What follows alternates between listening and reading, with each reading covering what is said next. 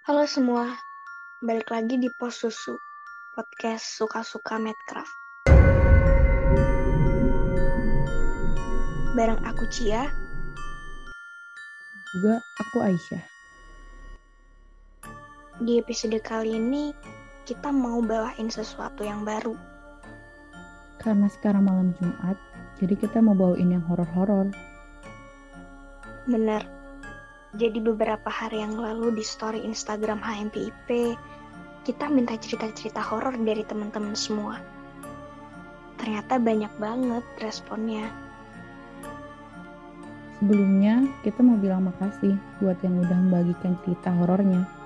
Tapi maaf ya, kita cuma bisa milih dua cerita yang menarik yang akan kita bacakan nanti. Sebelum membacakan cerita dari teman-teman Kreaswana, kita mau bacain tweet cerita horor yang berasal dari Twitter. Jadi cerita ini berasal dari akun Twitter @bristory yang mengisahkan tentang kos berhantu di Bandung. Seperti apa kisahnya? Ya simak baik-baik podcast kita sampai akhir. Tempat kos memang seharusnya jadi tempat yang nyaman untuk tinggal, tapi terkadang malah jadi tempat yang sungguh menyeramkan.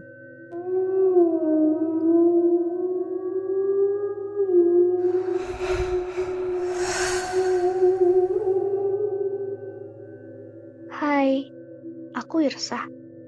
Mahasiswa angkatan 2017 salah satu universitas yang ada di Bandung. Asalku dari Banjarmasin. Dengan begitu, aku harus ngekos untuk tinggal di kota kembang ini. Mungkin sama dengan teman-teman mahasiswa lain yang berasal dari luar Jawa. Aku juga pada awalnya kesulitan untuk menemukan tempat kos yang nyaman dan sesuai dengan uang kiriman. Sudah beberapa kali berpindah sampai akhirnya betah tinggal di tempat kos yang aku tinggali sampai saat ini. Nah, yang aku akan ceritakan kali ini adalah kisah yang aku alami ketika sempat tinggal di salah satu tempat kos. Waktu itu aku dapat info dari salah satu teman kalau ada tempat kos yang nyaman, aman, dan harganya terjangkau. Ya sudah, aku langsung pergi melihatnya. Dan benar, ternyata tempat kos ini menurutku nyaman, gak jauh pula dari, dari jalan besar. Singkat kata, akhirnya aku benar pindah. Bangunan dua lantai, bagian depan ada parkiran yang cukup luas dan pagar besi jadi pengamannya. Pintu masuk utama berada di paling depan, agak seperti lorong panjang sebelum kita benar-benar bisa melihat barisan kamar kos di dalamnya. Setelah sudah berada di dalam, kita akan melihat kalau kos ini bentuknya memanjang. Kamar-kamar saling berhadapan dengan ada lorong di tengah-tengah. Kalau di lantai dasar, lorongnya lebih luas, bisa buat meletakkan meja atau barang-barang lainnya. Sementara di atas, lorongnya berbentuk teras. Dari teras depan kamar kita bisa lihat ke lantai bawah. Lantai bawah ada 12 kamar. Lantai atas ada 14. Gitulah gambarannya. Aku dapat kamar di lantai atas.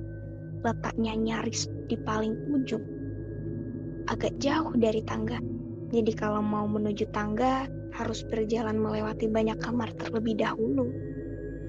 Katanya kosan ini sudah berdiri sejak awal 90-an. Berarti umurnya sudah 30 tahunan. Beralasan sih, karena cari bentuk bangunannya juga sudah kelihatan berumur. Walau belum klasik-klasik banget. Yang cukup khas, suasana di dalamnya cenderung gelap. Karena gak ada ruang terbuka, jadinya cahaya matahari yang masuk sangat sedikit. Paling hanya bisa masuk dari lubang angin di beberapa sudut bangunan. Kos-kosan ini juga gak ada induk semangnya, jadi isinya hanya para penghuni kos. Waktu aku pertama kali datang, katanya nggak semua kamar terisi. Ada banyak yang kosong. Entah apa sebabnya. Oh iya, dalam kamar gak ada kamar mandi. Kamar mandi adanya di luar. Bebarengan penggunaannya dengan penghuni lain. Di lantai bawah 4, di atas 3. Setelah ada penggambaran tadi, aku maklum kalau teman-teman mengambil kesimpulan, kok tempat kosnya terlihat serem ya? Ya emang bener, emang agak kelihatan seram. Aku juga berpikir seperti itu ketika pertama kali masuk. Mungkin karena bangunannya bangunan tua ditambah dengan suasana di dalamnya cenderung redup, jadinya terkesan seperti itu.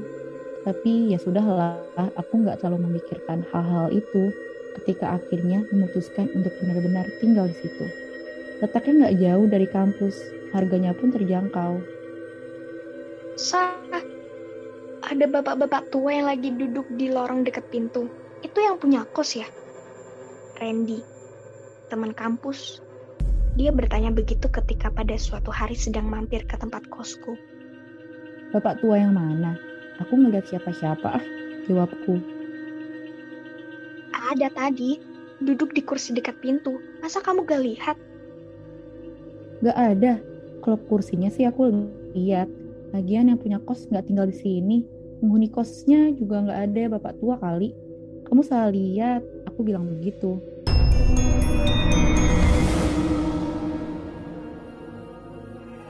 Itu adalah satu percakapan yang waktu itu aku sama sekali gak memikirkannya.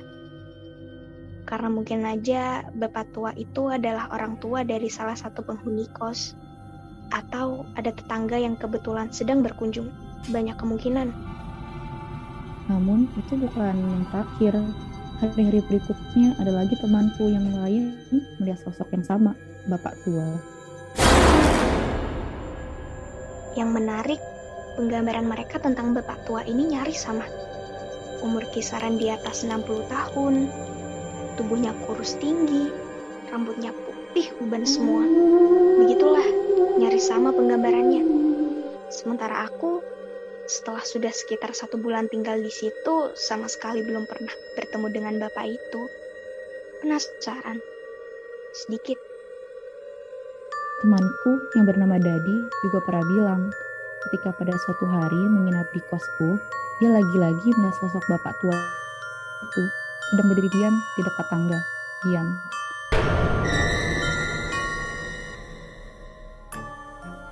Kata Dadi, pemandangan itu agak menyeramkan karena waktu itu nyaris tengah malam. Lama-kelamaan penasaranku semakin membuncah. Siapa sih bapak itu? Kok lama-kelamaan makin menyeramkan? Sampai akhirnya terjadilah peristiwa seram yang sudah aku ceritakan di awal tadi. Peristiwa itu pun sebenarnya nggak serta-merta terjadi. Beberapa malam sebelumnya, aku sudah mengalami peristiwa yang cukup aneh. Beberapa kali aku mendengar ada suara langkah kaki berjalan di teras berlantai kayu di depan kamar. Awalnya hanya itu saja, suara langkah kaki. Aku pikir tuh langkah kaki penghuni kamar sebelah. Tapi kalau beberapa kali aku perhatikan, ternyata setelah langkah kaki itu gak ada suara pintu yang terdengar terbuka atau tertutup. Suara langkahnya hilang begitu aja. Aneh. Dan setiap kali sebelum muncul suara-suara aneh itu, hawa dan suasana dalam kos tiba-tiba berubah drastis. Jadi beda, beda yang aneh, gak biasa pokoknya aneh. Nah, setelah aku pada akhirnya melihat sosok bapak tua itu, aku ceritakan semua ke salah satu teman kos yang kamarnya di lantai satu. Jibran namanya.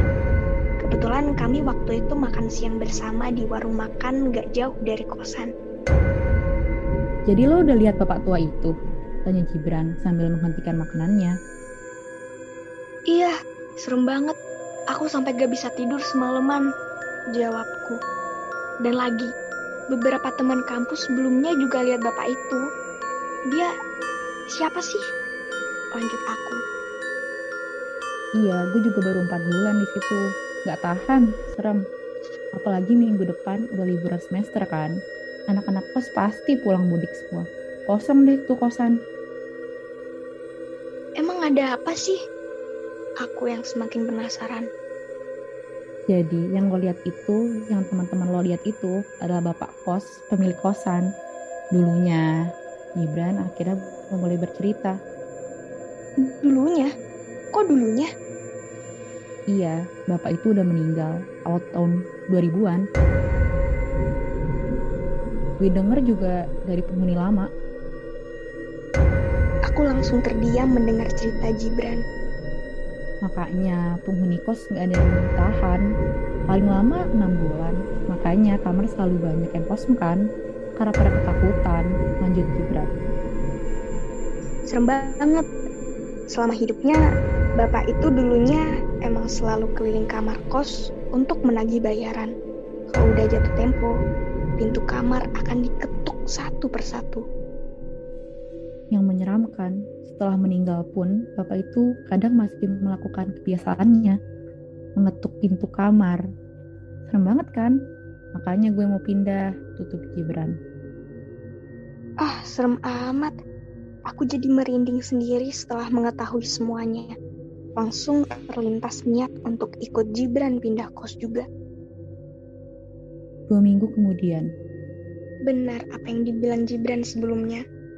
Akhirnya kami memasuki masa liburan semester. Selayaknya anak kos, setiap ada libur panjang, pasti akan mudik ke kampung halaman. Begitu juga dengan tempat kosku, nyari semua penghuninya mudik. Aku hitung hanya ada tiga orang yang gak mudik. Dua orang di lantai bawah, satu orang di lantai atas. Aku orangnya. Aku gak mudik karena kendala ongkos. Kalau pulang, aku harus naik pesawat yang mana tiketnya mahal. Jadi, aku akan pulang kalau libur lebaran aja. Ya sudah, akhirnya aku terdampar sendirian di lantai atas. Iya, sendirian.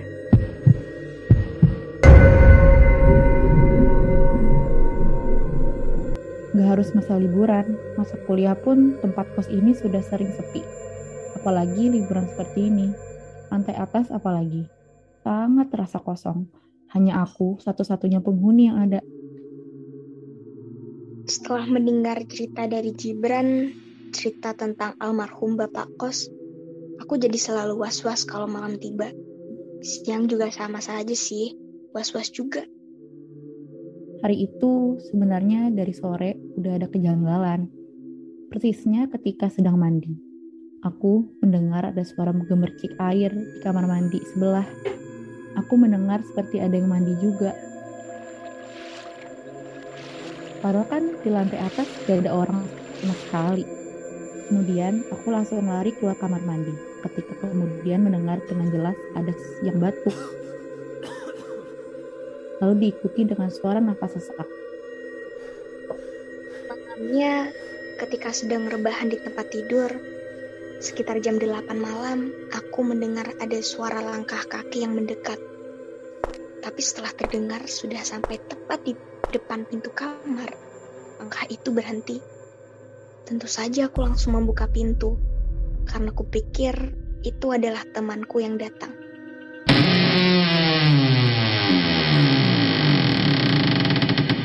Aku langsung merinding parah, karena ternyata di luar gak ada siapa-siapa. Hiburanku hanya ponsel. Sampai menjelang tengah malam, hanya layarnya yang aku perhatikan. Satu jam sebelumnya, lampu sudah aku matikan. Kamar jadi sudah gelap total. Jam sudah menunjukkan pukul 12 lewat sedikit. Ketika aku mulai merasakan ada perubahan, hawa tiba-tiba jadi aneh. Suasana berubah jadi makin sepi. Kosong. Aku menyadari itu. Makanya ngantuk yang sebelumnya mulai datang langsung menghilang. Benar, seperti sebelum-sebelumnya, pertanda sabar yang terjadi lagi. Awalnya hawa tiba-tiba berubah. Kemudian udara berangsur menghangat. Aku menahan nafas, menajamkan pendengaran. Ketika samar mulai terdengar suara yang menandakan kalau ada yang sedang melangkah di teras. Ya, ada suara langkah. Suaranya khas sekali. Aku sudah mulai hafal. Dari lantai kayu yang terinjak, tarikan kaki yang bergeser terseret.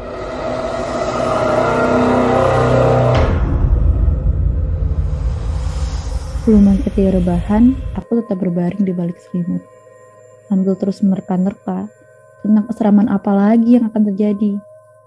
Benar, itu suara langkah kaki. Langkah yang sangat pelan.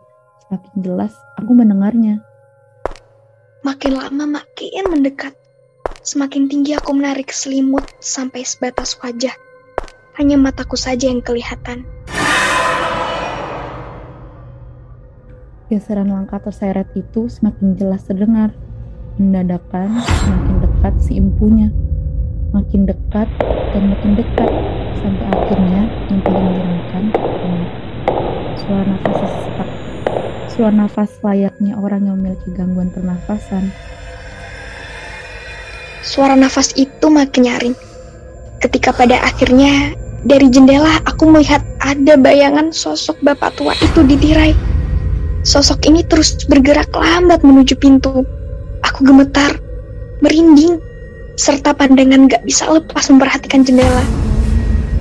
Bapak tua itu terus berjalan, sampai ketika sepertinya dia sudah di depan pintu.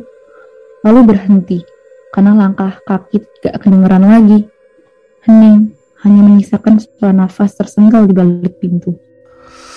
Lalu tiba-tiba, tok, tok, tok. Ada yang mengetuk pintu kamarku. Bapak itu mengetuk pintu kamar. Aku ketakutan, sama sekali nggak ada niat dan keberanian untuk membuka pintu. Tok, tok, tok.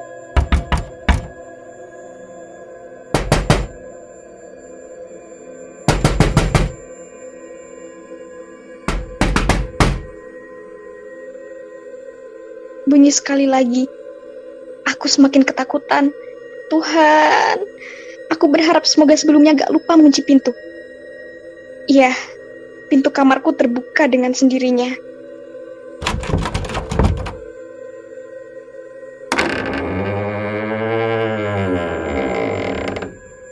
Makin seram, aku meremas ujung selimut kuat-kuat. Pandangan gak berkedip terus menatap. Pergeseran pintu terbuka perlahan. Perlahan juga, aku akhirnya dapat melihat kalau ada sosok yang sedang berdiri di depan pintu. Di depan kamar, sosok yang sudah bisa aku tebak sebelumnya. Pintu akhirnya terbuka lebar. Saat itulah aku bisa melihat dengan jelas ada sosok bapak tua yang sedang berdiri diam.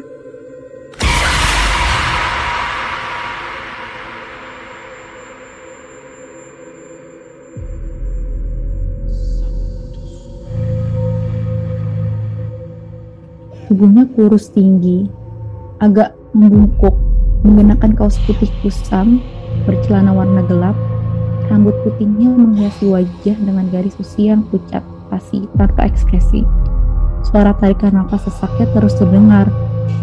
Bapak itu menatapku dengan tatapan kosong, ada lingkar gelap di sekitar mata.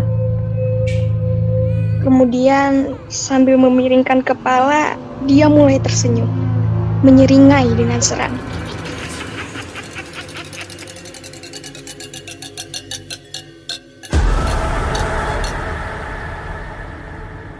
Aku menangis dalam diam menyaksikan semuanya. Cukup lama seperti itu sampai ketika dia perlahan mulai melangkah lagi menuju ke arah kiri kamar. Langkah pelannya terus aku perhatikan dan akhirnya dia hilang dari pandangan.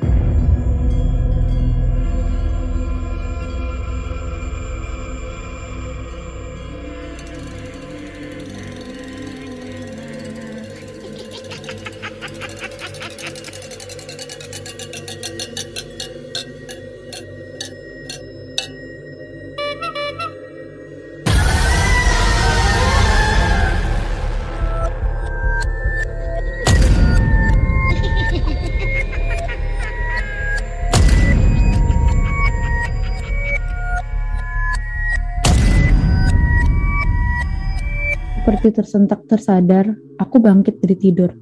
Lalu lari keluar kamar, gak menoleh ke belakang. Aku terus lari keluar tempat kos. Dan pada malam itu, aku tidak berani pulang.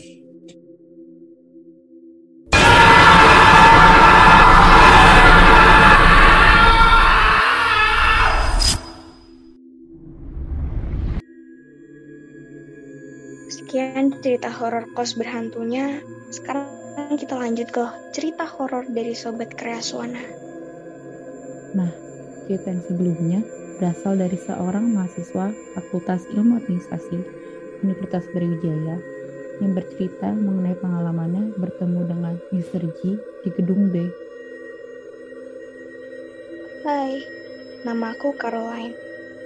Jadi pada tahun 2019, satu LOF di VIA lagi latihan buat persiapan lomba.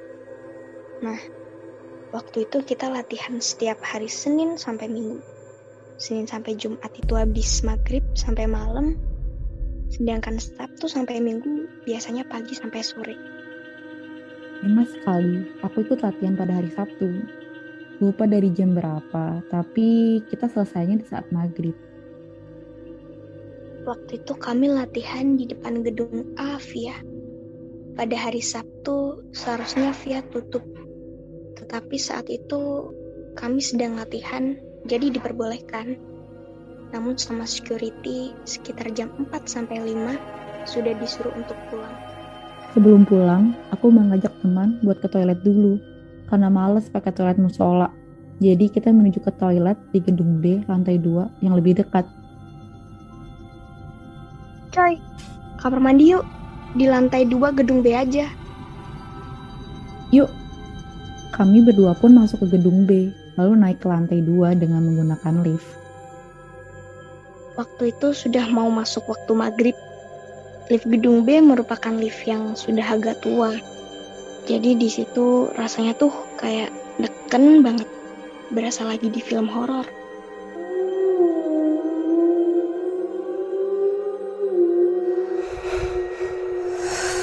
Setelah keluar dari lift, aku belok ke kanan, lalu aku berhenti di situ pas di posisi aku itu, aku langsung ngelihat sesosok Mr. G lagi berdiri di antara WC. Perawakannya kurus tinggi, kayak orang hutan. Tapi kami gak ketemu mata. Aku pun langsung mengajak temanku untuk turun melalui tangga. Pakai kamar mandi musola aja, Temanku yang tidak melihatnya pun langsung memahami perkataanku. Setelah kami keluar dari gedung B, aku langsung menjelaskan kejadian tadi kepada temanku.